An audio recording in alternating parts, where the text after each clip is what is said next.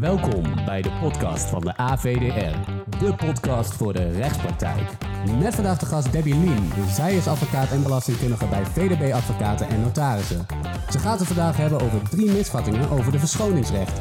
Dit doet zij samen met de host van vandaag, Etienne van Bladel. Veel plezier met aflevering 5 van de AVDR podcast. Welkom bij deze podcast van Academie voor de Rechtspraktijk. In deze podcast gaan we een belangrijk onderwerp bespreken, namelijk het verschoningsrecht. En dat gaan we doen met onze gast van vandaag, Debbie Liem, advocaat belastingkundige bij VDB Advocaten Notarissen. Debbie, welkom. Leuk dat je hier op Kasteel Waardenburg bent en dit onderwerp wilt gaan bespreken. Dank je. 16 jaar al werkzaam in de, de praktijk, advocaat belastingkundige. Waar ligt jouw focus? Mijn focus ligt bij zaken waar uh, de fiscaliteit als een rode draad doorheen loopt. Dus dat kunnen procedures zijn of dat kunnen mediations zijn. En waar ligt de, de, de, de kern? Waar ligt de, veel procederen, veel mediation? Meer procederen, denk ik, als ik de rekening zou opmaken. Ja. Een leuk onderwerp, verschoningsrecht. Het stelt er heel veel in de krant. Heel veel wordt erover geschreven. Een, een belangrijk onderwerp. Maar voordat we, we gaan de verschoningsrecht bespreken met de, drie misverstanden. Maar alvorens we daar aankomen, wil ik even een stap terug doen. Ja. Wat wordt er nou verstaan onder het verschoningsrecht? Ja, dat is een hele goede vraag. En dat is ook een van de vragen die ik uh, aan de orde zou willen stellen bij de bespreking van uh, de eerste misvatting. Om even terug te gaan naar de kern. Um, ik kan alvast een tipje van de sluier oplichten. Uh, want wij kennen uh, vier klassieke beroepsgroepen uh, die algemeen erkend een wettelijke geheimhouding hebben. En dat zijn de geestelijke, de arts, de advocaat en de notaris. Die hebben een wettelijk verankerde geheimhouding en complementair daaraan is het verschoningsrecht. Dus dat betekent als jij Etienne naar een advocaat gaat en je vertelt die advocaat iets, wat jij die advocaat vertelt, dat uh, valt onder de geheimhouding. En dat betekent dat als er bijvoorbeeld een overheidsinstantie bij die advocaat zou komen en die zou aan die advocaat vragen: Goh, wat heeft uh, Etienne jou verteld? Dan kan die advocaat zich beroepen op zijn verschoningsrecht, omdat hij een geheimhoudingsplicht heeft. Om even de eerste vraag te stellen, betekent dat ook als ik naar een advocaat ga dat ik kan voorkomen door dingen die ik weet en jou te vertellen dat jij die niet kunt doorvertellen? Ja, dat, dat op het moment dat je, dat je je advocaat iets vertelt, dan is dat geheim. Maar op het moment dat jij wettelijk verplicht bent om bijvoorbeeld aan de Belastingdienst uh, informatie te verstrekken, dan kan je je niet aan die verplichting onttrekken uh, door opeens een advocaat in de arm te nemen. Wordt dat wel gedaan? Omdat dat nou, dat is mij uh, niet bekend. Dat dat, maar dat is, uh, dat is ook een misvatting. Dus misschien zullen we, kunnen we daar meteen uh, naartoe gaan. Een bruggetje naar die, naar die misvatting. Dat was, dat was ook de bedoeling. Het bruggetje ja. van mijn misvatting. nu misvatting 2. Ja. Maar even terug, ik wil toch even terug naar die eerste. Ja. Dus je zegt, er zijn vier klassieke beroepen die die verschoningsrecht wettelijk hebben geregeld. Dat betekent ook dat je daar als partij, als overheid of wie dan ook, daar dus niet aan kunt komen. Dus je kunt het wel stellen, maar als de advocaat zegt: ik beroep op het verschoningsrecht, hoeft hij dat niet te melden. Ja, dan, dan, uh, dan is dat in principe is dat, uh, geheim, is dat, is dat veilig. Daar, daar is het verschoningsrecht voor bedoeld. En daar zitten wel wat, want het, het klinkt heel makkelijk. Hè? Je kan dat in een paar zinnen uitleggen. Maar er zitten. Het is, het is hele complexe materie. En dat blijkt ook wel uit de berichtgeving in de media en het uh, concept wetsvoorstel, wat we zo meteen uh, misschien ook kort gaan uh, aantippen. Um, dat, het, dat, het, dat er toch wel misverstanden snel zijn over hoe dat verschoningsrecht nou precies werkt. Goed, wat, we gaan dan heel snel naar die misvatting nummer twee. Wat, wat, ja. wat, wat, wat, wat, ja, welke misvatting is dat in jouw ogen? Ja, um, misschien is het goed om voordat we misvatting 2 behandelen, even te gaan naar de basis. En dat is uh, misvatting 1, als, als jij dat uh, oké okay vindt, uh, Etienne. Natuurlijk, ja. nee, dat is alleen maar goed. Ja, nee, misvatting 1. Um, je, je ziet in de berichtgeving, hè, afgelopen jaren zag je berichten in de, in, in, in de krant verschijnen waarin het Openbaar Ministerie oproept tot, tot, tot inperking van het verschoningsrecht. Ehm, en dan wordt, daar ligt de gedachte achter. En dan wordt ook gezegd van ja, dat, dat verschoningsrecht werkt misbruik in de hand. Hè, of het zorgt voor vertraging in fraudeonderzoeken. Um, maar onlangs deze zomer is er ook een conceptwetsvoorstel uh, gepubliceerd. Daarin, uh, daarin proef je ook dat dat verschoningsrecht, ja, dat kan worden misbruikt.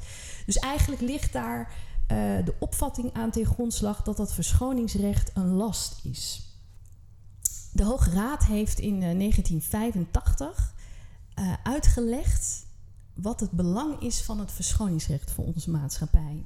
Want in onze samenleving zijn er vier beroepsgroepen die een uh, wettelijk verankerde geheimhouding en daaraan gekoppeld ook een verschoningsrecht hebben. En dat wordt ook wel het klassieke kwartet genoemd.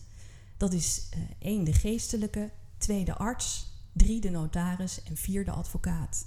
En wat zegt de Hoge Raad? Iedereen moet in onze samenleving naar zo'n persoon kunnen gaan en die moet aan die persoon iets kunnen vertellen zonder de vrees dat die persoon datgene wat hij heeft verteld openbaar maakt aan een derde. En Hoograad zegt dat is een algemeen erkend rechtsbeginsel. Dus het uh, verschoningsrecht is niet iets van een advocaat, uh, waarmee de advocaat een fraudeonderzoek kan vertragen, maar dat is iets van de rechtszoekende, van de maatschappij als geheel. Het is eigenlijk het fundament van de rechtsstaat, zo zou je dat kunnen zeggen. En kun je bij ook heel kort het uiteenzetten wat het verschil is tussen geheimhouding en het verschoningsrecht? Ja, het is complementair aan elkaar. Dus uh, in de wet is bepaald dat uh, die beroepsgroepen een geheimhoudingsplicht hebben. Hè, de geestelijke, de arts, de notaris, de advocaat. Maar die geheimhouding zou, zou eigenlijk niets waard zijn als een overheidsinstantie zo'n notaris zou kunnen benaderen en die zou informatie opvragen. En de notaris zou vervolgens verplicht zijn informatie te geven. Dus om dat ja, goed af te dichten, hebben die vier klassieke beroepsgroepen ook het recht om zich te verschonen. Dus het recht om die informatie niet te geven. En dat is het verschoningsrecht.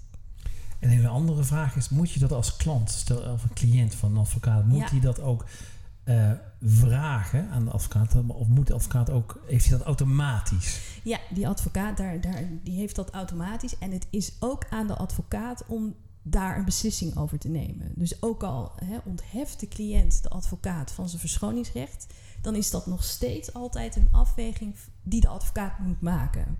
Hè, want die kan wel denken, nou die cliënt die, uh, die zegt, uh, ja zeg het maar, maar dan kan nog steeds de advocaat vinden, nou dat is niet in het belang van, uh, ja, van, van de zaak, cliënt. dus ik, ja. doe het, ik ga het niet ja. melden. Ja. Helder, de, de, eerste misvatting, als we nu, hè, want we hebben gezegd, er zijn er drie. Kun jij de tweede aangeven? Wat, wat wordt er verkeerd gedacht in de praktijk over het verschoningsrecht? Ja. Nou, de tweede misvatting is dat alles wat jij aan een advocaat geeft, dat dat um, valt onder het verschoningsrecht. En um, er is een, een, een wetsvoorstel uh, waarin het, uh, de bedoeling is het verschoningsrecht te verduidelijken. Uh, het verschoningsrecht zoals dat in de belastingwet is opgenomen. En daarin zie je dat dit uitgangspunt heel duidelijk naar voren komt in, dit, in het wetsvoorstel. Want daarin wordt gezegd, ja, het moet toch eigenlijk niet mogelijk zijn dat belastingplichtigen niet naar een belastingadviseur gaan, maar die gaan naar een advocaat. En daarmee ontkomen ze aan hun verplichtingen om aan de fiscus informatie te verstrekken. Want dan, dan, geven ze bijvoorbeeld jaarverslagen en uh, andere administratieve stukken aan een uh, advocaat. En zo kunnen ze aan hun verplichtingen ontkomen. Zo'n uh, opmerking wordt er gemaakt in, het, in dat wetsvoorstel. Um, maar waarom is dat uitgangspunt nu onjuist? Als eerste omdat um, in de wet staat omschreven, en dan blijkt ook uit de rechtspraak, dat uh, geschriften die het voorwerp van het strafbare feit uitmaken of tot het begaan daarvan hebben gediend, dat daar het verschoningsrecht niet voor geldt. Dus met andere woorden, Etienne, als uh, iemand, even om heel, heel, een heel zwart-wit voorbeeld te geven, even los uit het fiscale gehaald. Als iemand een moord pleegt en die rijdt daarna naar zijn advocaat en die zegt: hè, Hier is het pistool tegen zijn advocaat waarmee hij het de, de moord heeft gepleegd. Wil jij dat voor mij bewaren? Ja, daar geldt het verschoningsrecht niet voor, want dat is ja, het voorwerp waarmee het strafbare feit is begaan. Dus dat als eerste, op het moment dat iemand terug naar het fiscale een factuur vervalst of een valse administratie en hij geeft dat aan zijn advocaat, daar geldt het verschoningsrecht niet voor. Ten tweede is het zo dat een belastingplichtige uh, aan zijn fiscale verplichtingen moet voldoen. dus die moet, iedere belastingplichtige, jij ook, uh, moet een belastingaangifte doen ieder jaar. als je administratieplichtig bent, moet je een administratie voeren. Je moet desgevraagd informatie aan de belastinginspecteur verstrekken. En aan die verplichtingen kan je niet ontkomen door te zeggen: Nou, ik ga eens naar een advocaat en dan geef ik mijn administratie aan de advocaat. Uh, en als je niet aan die verplichtingen voldoet als belastingplichtige, dan kan de uh, Belastingdienst een ambtshalve aanslag opleggen. Met verzwaring en omkering van de bewijslast. Of een kort geding starten waarin informatie wordt afgedwongen. Of er kan een boete worden opgelegd. Dus er is een heel arsenaal aan mogelijkheden. Dus daarmee ontkom je niet aan je fiscale verplichtingen. Wat natuurlijk wel zo is, is als jij um, als bijvoorbeeld ondernemer zegt, nou hier heb ik een vraag over aan een advocaat en je kopieert wat stukken uit je administratie en je zet daar wat aantekeningen op of je doet dat niet en je geeft die stukken aan aan je advocaat, ja dan heeft niemand daar iets mee te maken. Dus dan hoeft niemand te weten dat hè, welke informatie jij met die advocaat hebt uitgewisseld en welke facturen je aan de advocaat hebt gegeven. Mag de advocaat dan, stel voor dat hij die vraag krijgt van de Belastingdienst, ehm, ik wil gegevens hebben, ik wil facturen moet de advocaat dan heel concreet zeggen: um, Ik heb ze wel, maar ik krijg ze niet? Of ik kan hier niets over zeggen? Ja, dat laatste. Ik kan hier niet, het is heel simpel, ik kan hier niets over zeggen. Ook al heb ik hier dozen vol met de facturen staan, ik kan er niets over zeggen. Ja, nou, als dat, als dat uh, uh, inderdaad voorwerpen zijn waarmee het strafbare feit is begaan en valse administratie, dan geldt het niet. Maar, maar als een, een belastingplichtige een kopie maakt van zijn hele en die geeft dat of een deel, ja, daar hoeft, daar hoeft een advocaat geen uitspraak over te doen.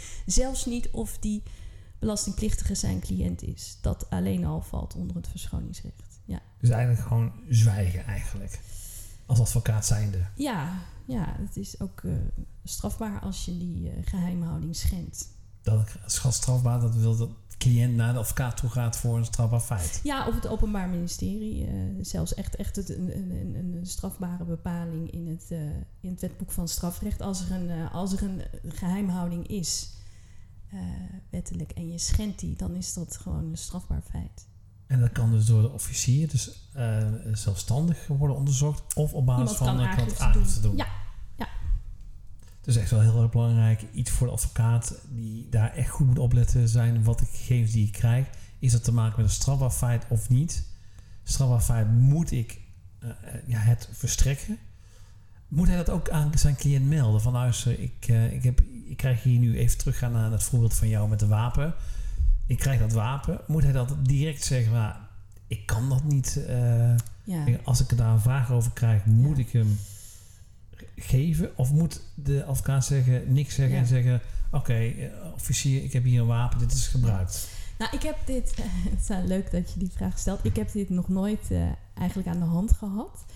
Uh, maar ik zou me zo kunnen voorstellen als zoiets zich bij mij zou voordoen, dat ik aan mijn cliënt zou uitleggen: ik kan, ik kan hier niks mee. Ik kan dit niet, want dit valt ook niet onder mijn, uh, onder mijn verschoningsrecht. Hier heb je ook niks aan als je het aan mij geeft. Nee.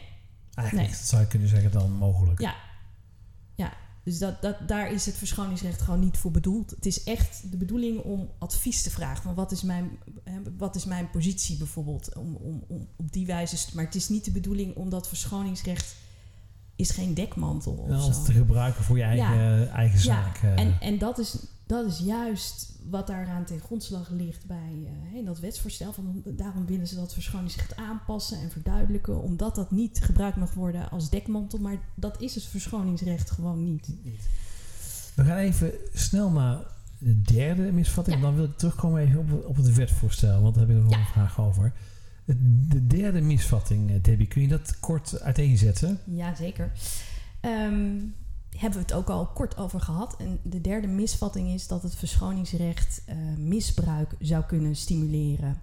Uh, het zou gebruikt kunnen worden uh, ja, om, om belastingontwijking te, te, bevorderen.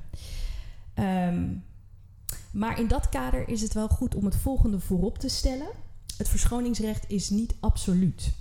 Er zijn zeer uitzonderlijke omstandigheden waarbij uh, het belang van waarheidsvinding voorrang heeft boven het verschoningsrecht en de geheimhouding. En zo'n zeer uitzonderlijke omstandigheid kan zich voordoen als een advocaat verdacht wordt van een ernstig strafbaar feit. En um, daarvan kan sprake zijn als je een crimineel samenwerkingsverband vormt met je cliënt. En um, ja, in de rechtspraak is bijvoorbeeld al een keer aangenomen dat uh, als er een sprake is van een verdenking van een fiscaal strafbaar feit, medeplichtigheid daaraan bij de notaris, dat dan sprake is van zo'n uitzonderlijke omstandigheid. Dus dat dan het verschoningsrecht niet geldt. En geldt dan het verschoningsrecht ten opzichte van de advocaat of van ook zijn cliënt? Allebei. Dus, van allebei? Ja. ja. Dus het, um, de advocaat kan een beroep daarop doen, maar dat verschoningsrecht is een lege huls als niet ook de cliënt daar een beroep op kan doen. Dus in het verlengde van het verschoningsrecht uh, van de advocaat kan de cliënt daar een beroep op doen. En ik, ik ga nu heel ver hoor. Misschien moet je dat dan meteen ook afstroffen. Stel voor, ik heb een maatschap met twee advocaten en ik, uh, ik ben aan het rommelen uh, als een van de partners. En ik ga mijn collega-advocaat inhuren als zijn advocaat en dan het verschoningsrecht hebben.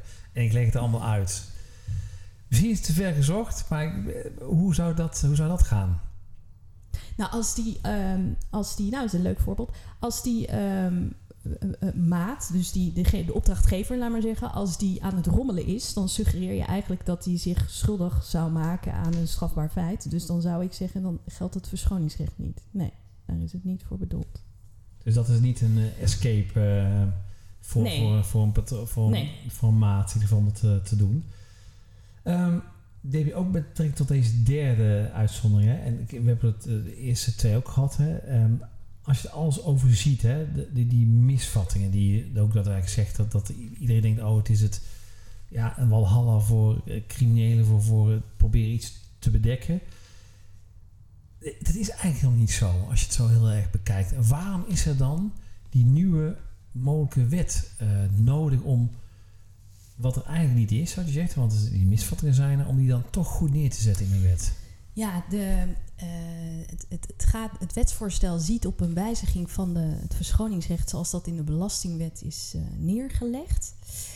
En um, op, op het fiscale gebied zijn er wel wat ontwikkelingen. De, de afgelopen tien jaar is, uh, staat fiscale transparantie heel hoog op de agenda internationaal. Dus verschillende landen sluiten verdragen om met elkaar informatie uh, uit te wisselen.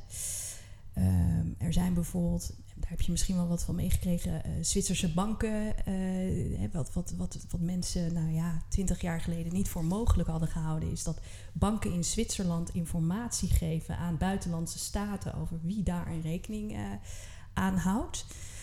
Um, ja, en we hebben de Panama Papers gehad. Uh, dus vertrouwelijke documenten waarbij natuurlijke personen, of waarin structuren waren uh, hè, voorkwamen waar natuurlijke personen een belang bij hadden. En er zaten dan grote vermogens achter. En het vermoeden was ook dat die belangen door die particulieren niet in hun uh, belastingaangiftes waren verwerkt. Dus daar is heel veel maatschappelijke verontwaardiging over ontstaan. En in dat kader is er ook enkele jaren geleden gezegd: we gaan die belastingontwijking gaan wij, gaan wij heel hard aanpakken. Dus dat is de, is de ja, is, is eigenlijk de achtergrond. En dat is de reden waarom ze dat zo graag willen uh, verduidelijken. Um, in reactie op dit wetsvoorstel, om even terug te komen op jouw vraag, Etienne, heeft uh, hè, van, van waarom is dit dan nodig als het er niet is? Uh, dat is ook precies wat de beroepsorganisatie van advocaten heeft gezegd. Van nou ja, als, als er dan misbruik van wordt gemaakt, beschrijf dan aan ons hoe vaak het voorkomt of waar die misbruik. Want dan kunnen we kunnen wij dat ook aanpakken zelf uh, in onze beroepsgroep. Ik ga, uit dat, ga ervan uit dat dat de gedachte daarachter is. En dat hebben ze ook al eerder aangegeven, al jaren geleden, toen, toen die roep daar was. laten we dan eens om de tafel gaan zitten. En daar is eigenlijk vrij weinig, begrijp ik, vrij weinig uh, respons op gekomen. dus met andere woorden, die, die wet gaat er komen. Het, geen idee, geen idee. Nee, het, het was een, een, een, eh, conceptwetsvoorstel en die is ter consultatie op internet aangeboden. Er kon, uh, iedereen kon daar een reactie op geven en daar is heel veel kritiek op gekomen. Of tenminste heel veel, daar is veel kritiek op gekomen. Dus geen idee of, of ze die nog... Uh, of de, ja, die naar voren te komen, of ze dat toch gaan doorvoeren. Ja, ja. Um, om even dan bij die wet te blijven. Hè. Je, je, zegt het is een wetsontwerp. Het is niet zeker of die er überhaupt komt, dat er veel kritiek op is. Um, stel je voor, we hebben hier een, een, een, een glazen bol staan. We weten niet, hè, een glazen bol staat hier. Zit hij ook in een spookkasteel, dus er kan alles gebeuren. Maar wat, wat denk je zelf? Uh, uh, zou die er komen? Uh, en zou het iets goed zijn als hij er, als hij er ook daadwerkelijk komt? Zoals hij er nu er ligt, hè? dus niet met wijziging, maar zoals hij nu er ligt. Hoe kijk jij daar tegenaan? Ja, ik denk dat hij voor heel veel onduidelijkheid gaat zorgen. Um, want de, de, de, de, ze zeggen eigenlijk, ja, de, het verschoningsrecht mag gelden voor eigenlijke werkzaamheden van een advocaat. En die werkzaamheden, en wat zijn dat? Dat is natuurlijk heel moeilijk. Wat zijn, wat een, advocaat kan een bezwaarschrift indienen, kan een belastingadviseur ook doen. Dus hoe, hoe definieer je dat? En dan hebben ze de definitie gepakt van de WWFT. En die is eigenlijk heel erg eng, die is heel erg beperkt. Daar geldt een eerste adviesgesprek als, uh, als een vrijgestelde dienst. En, en als je gaat procederen, alles wat met procederen te maken heeft, kort gezegd. Dus alleen bij die, die type werkzaamheden zou je dan een verschoningsrecht hebben. Dus met andere woorden, dan zou een notaris nooit meer een verschoningsrecht hebben. Dus ik denk dat als het zoals het wetsvoorstel er nu ligt, in deze vorm, dat dat een slecht idee is om dat zo. Um, dus voor jou mag die uh, in de uh, la blijven liggen. Ja, dat klopt. En je denkt ook niet meer dat hij eruit wordt gehaald als, het, eh, als je de, gezien de reacties er zijn. Ja, ik denk dat ze daar wel heel zorgvuldig over na gaan denken. En misschien dat ze een andere manier vinden, gaan zoeken om dat verschoningsrecht te verduidelijken. Want er is wel veel maatschappelijk is er veel om te doen. Debbie, ik wil jou uh, bedanken voor de heldere uiteenzetting met betrekking tot het verschoningsrecht. Dat zullen ja, toch wel bij, bij, veel advocaten, denk ik, hè, eh, die, of, of luisteraars denken: hey, waar gaan we allemaal naartoe met verschoningsrecht? Ik ga je wel aangeven dat wij hier uh, op Kasteel Waardenburg geen verschoningsrecht hebben.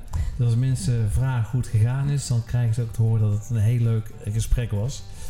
Debbie, nogmaals bedankt voor jouw uh, aanwezigheid en bedankt voor de heldere uiteenzetting. Ja, bedankt. Ik vond het heel leuk om te doen. Bedankt voor het luisteren naar deze aflevering van de AVDR podcast. Check de website www.avdr.nl voor meer unieke content voor de rechtspraktijk. Nogmaals bedankt en tot de volgende aflevering.